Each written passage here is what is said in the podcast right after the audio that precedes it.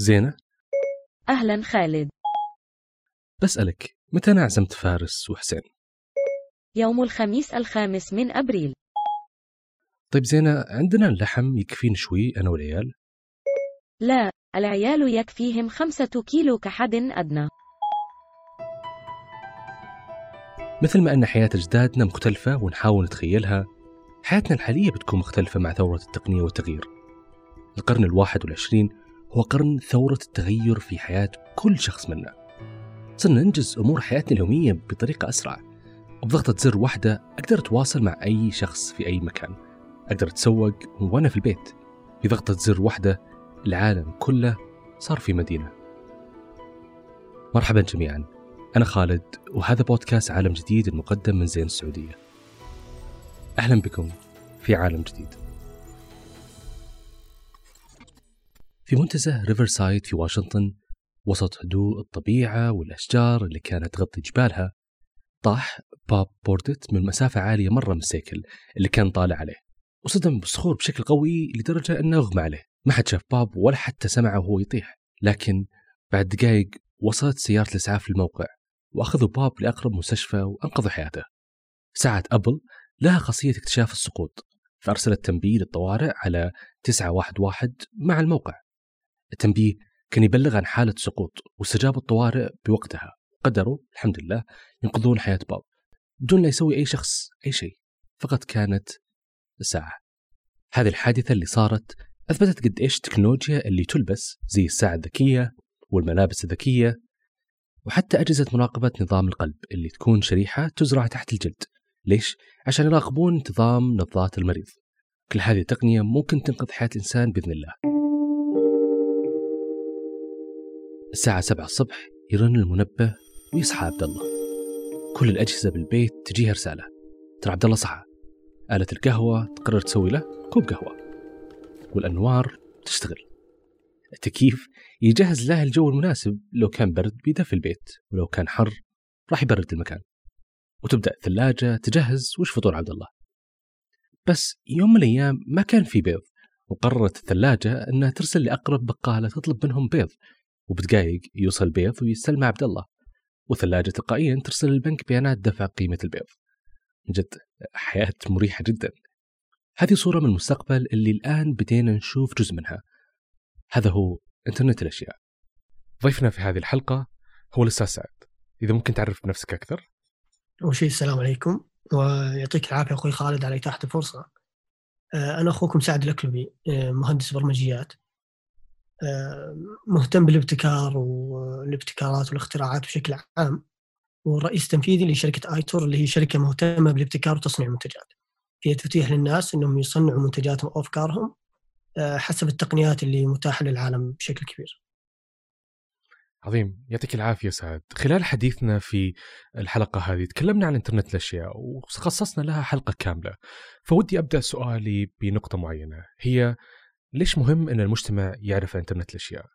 شوف إنترنت الأشياء آه، راح يغير أشياء كثيرة جدا في حياتنا بختصر لك الموضوع في إني أقول لك إنه راح يخلي كل جهاز أو كل شيء تشوفه أمامك يخليه كائن كيف كائن؟ يعني بيخليه يشعر يخليه يحس يخليه يتنبأ يتصرف العالم الآن أو قبل إنترنت الأشياء ما راح يكون العالم بسهولته بعد إنترنت الأشياء سنة 1999 كان في واحد اسمه كيفن أشتون يشتغل في شركة تصنع مواد استهلاكية قدم عرض تقديمي وسماه internet of things أو انترنت الأشياء.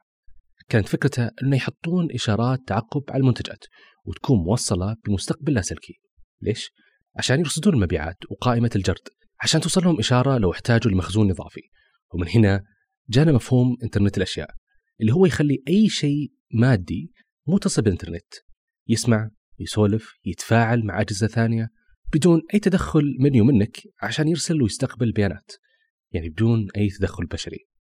هذه الأشياء غالبا تكون أجهزة منزلية عادية مثل الثلاجة واللمبة والأبواب أو أدوات صناعية. طبعا بعض الدراسات اللي اللي تنبأت بإنترنت الأشياء وعدد الأجهزة اللي بتكون متصلة بالإنترنت في عام 2017 تقريبا تكون أو كانت في حدود 20 مليار جهاز.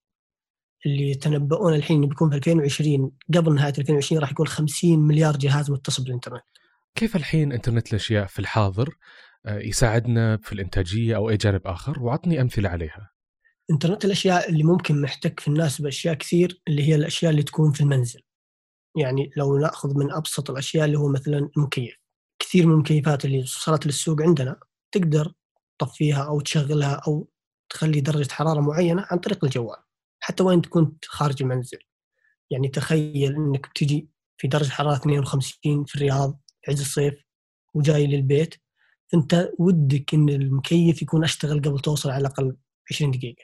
على الأقل يكون المكان أبرد وألطف. وما ودك إنك مشغله من يوم طلعت يكون في تكاليف كهرباء عليك عالية. انت تقدر ببساطة إنك تدخل الجوال وتعطي أمر إنه المكيف يشتغل. المكيف مرتبط بالواي فاي حق المنزل راح ياخذ الأمر هذا. هذه من أبسط الأشياء اللي إنترنت الأشياء ممكن تساعدنا فيها. يعني معقولة راح نتكلم مع السيارات والأجهزة اللي في البيت زي اللي شفتها في فيلم أبجريد وهل حنا بحاجة لهذا النوع من التكنولوجيا؟ طبعا ما هي بس الأشياء الرفاهية في المنازل حتى الأشياء اللي تكون مثلا في المصانع في السيطرة على جودة المنتجات أو حتى التصنيع أو حتى تأخذها إلى مكان أبعد في مثلا السيارات ذاتيه القيادة. كيف ممكن بعدين تصير تتصرف من نفسها وتتحرك وتتصل بالإنترنت؟ المستشفيات كيف ممكن الدكتور إنه يتابع حالتك بدون ما تزوره بشكل يومي؟ يقدر يتابع إذا حالتك صار فيها شيء سيء تلقائيا راح يحصل على تنبيه بهذا الشيء. كل الأشياء هذه تتحدث مع بعض بدون تدخل مباشر منك كإنسان وتفيدك في حياتك. 1 أوغست سنة 2007 بعز حرارة الصيف ووقت الظهر وزحمة السيارات والباصات على الجسر اللي بين مدينة مينيابوليس ومدينة سانت بول بأمريكا. فجأة انهار الجسر كله فوق نهر ميسيسيبي. 13 شخص مات ومئات جتهم إصابات. والسبب كله أن الجسر كان قاعد يتهالك من فترة وما حد يدري. لحظة خلونا نعيد مشهد الحادثة ونتخيل لو كان الجسر مربوط بالإنترنت كان من أول تغيير وخلل تلقائي الجسر راح يرسل بيانات المشكلة للشركة المسؤولة وعلى طول راح تستجيب الشركة وتصلح أي عطل فيه. ودك سرير يترتب من نفسه ولا ودك مواقف المطار تحجز لك مكان لسيارتك قبل لا توصل؟ مين ما وده تكون حياته أفضل؟ تخيل معي لو كل شيء حولنا مربوط بالإنترنت زي آلة القهوة مثلا تعلمك كم باقي كبسولة من قهوتك اللي تحبها. ولا خزانة ملابسك تعلمك إذا الملابس محتاجة غسيل أو كوي أو شوكة ذكية تتابع طريقة أكلك بشكل بطيء وصحي. والكثير الكثير من الأشياء حولنا اللي بتساعدنا في إدارة البيت وإنجاز المهام اللي مرات ما نلقى وقت نسويها. هالشيء بيخلينا مرتاحين دائما بينهي موضوع التوتر عندنا. هذه الرفاهية تخلق حياة سعيدة وصحية. طيب غير الرفاهية ليش مهم إنترنت الأشياء؟ الأجهزة لما تكون على متابعة للبيانات أول بأول هالشيء يساعدنا نتخذ قرارات أسرع.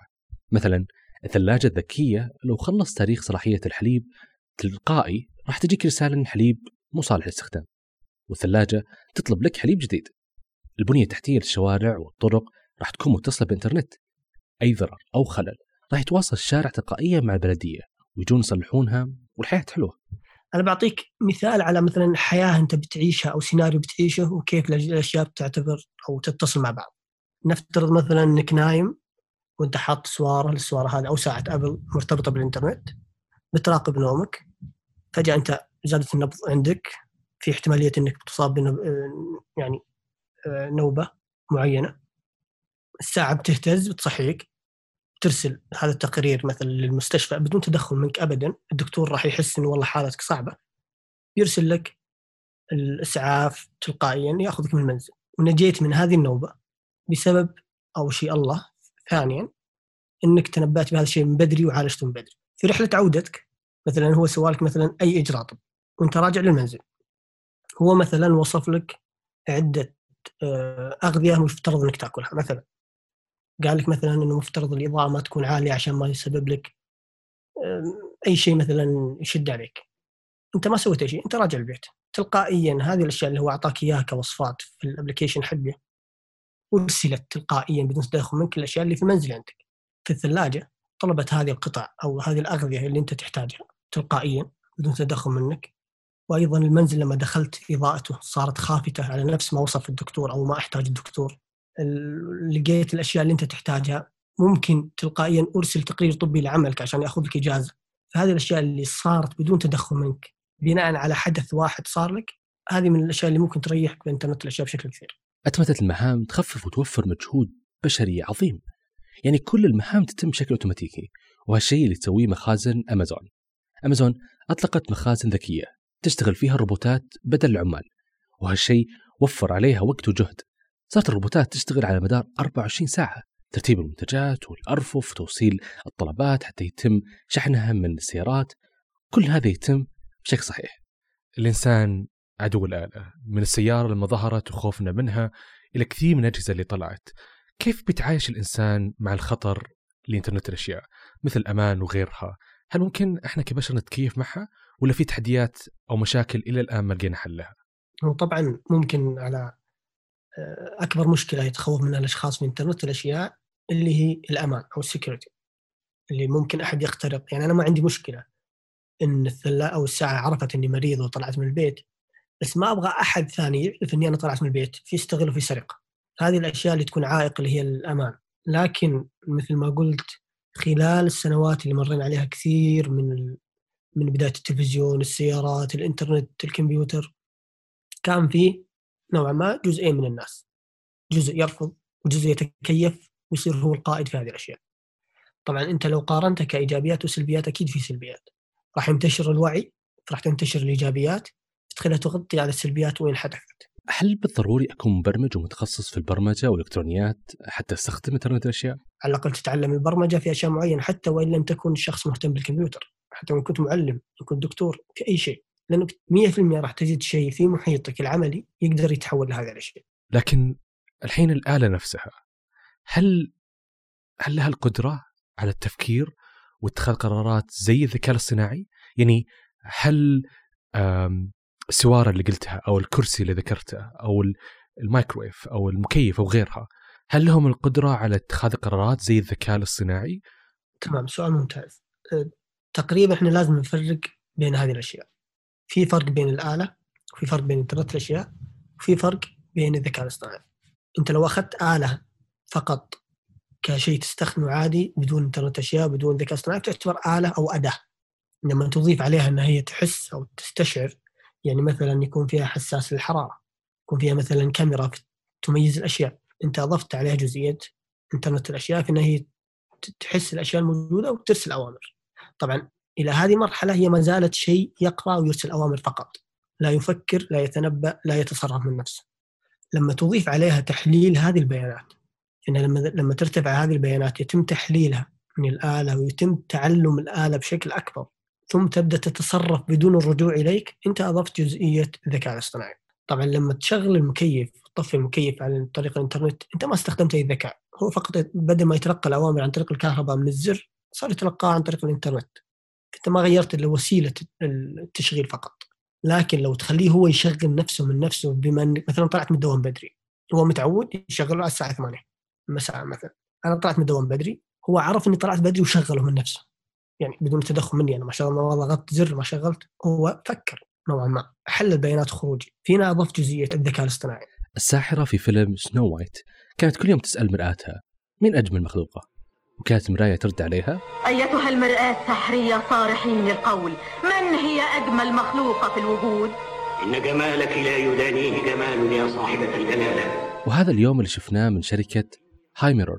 أنتجت مراية ذكية تعطي رأيها لها خاصية تفحص البشرة وتعطي تنبيهات على مشاكل البشرة. كمان تساعدك على كيف تهتم في بشرتك. أتوقع هذا المنتج راح يستفيد منه كثير من النساء. طيب سعد وأنت تذكر نقاط عن آه، أمثلة؟ عن كيف مثلا الساعة إلى المايكرويف إلى الكرسي إلى إلى الأنوار آه، أو حتى المكيف.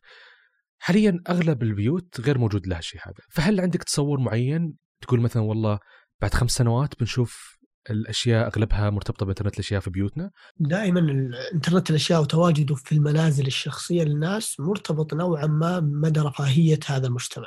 لأن هي تعتبر توفير زائد رفاهية خصوصا في المنازل إلا إذا ضفت عليها جزئية توفير الكهرباء توفير المياه لأنه البيوت الذكية ما هي فقط على الاتصال بالإنترنت هي حتى في تصاميمها. في البيوت الذكية مجالها أوسع من فقط إنترنت الأشياء، لكن اللي أنا اعتقده إنه في كثير من المنازل الآن يوجد فيها إنترنت الأشياء حتى وإن كان في أبسط صورة، لكن لو عممناها بشكل أكبر أعتقد إنه في المملكة يعني مستوى رفاهية المجتمع يساعد إنه ينتقل لهذه الأشياء بشكل أكبر. يعني ممكن على الخمس سنوات الجاية ما أقول لك كل البيوت لكن على الأقل كل الأشخاص راح يحتكون بشيء مرتبط بإنترنت الأشياء. كل الاجهزه من حولنا صارت لها قرارات. هو فعلا عصر الالات فيه تقرر وتنفذ. وحنا البشر فقط علينا الاستهلاك. الحياة مع إنترنت الأشياء صارت أسهل وآمن وصحية أكثر. ومع إطلاق الجيل الخامس واللي تميزت فيه زين السعودية بأنها تملك أكبر شبكة جيل خامس في الشرق الأوسط في 27 مدينة. هذا الجيل يدعم تقنية إنترنت الأشياء. الجيل الخامس جيل أصبح كل شيء فيه ذكي. شكرا لسماعكم من هذه الحلقة، نتمنى أنها عجبتكم. لا تنسوا تشاركونا مع أي شخص وده يجي هذه الأشياء في البيت زي المكيف اللي يتحكم في درجة البرودة تلقائيا أو حتى شخص يتمنى إنه اله القهوة تسويها له. يومكم سعيد.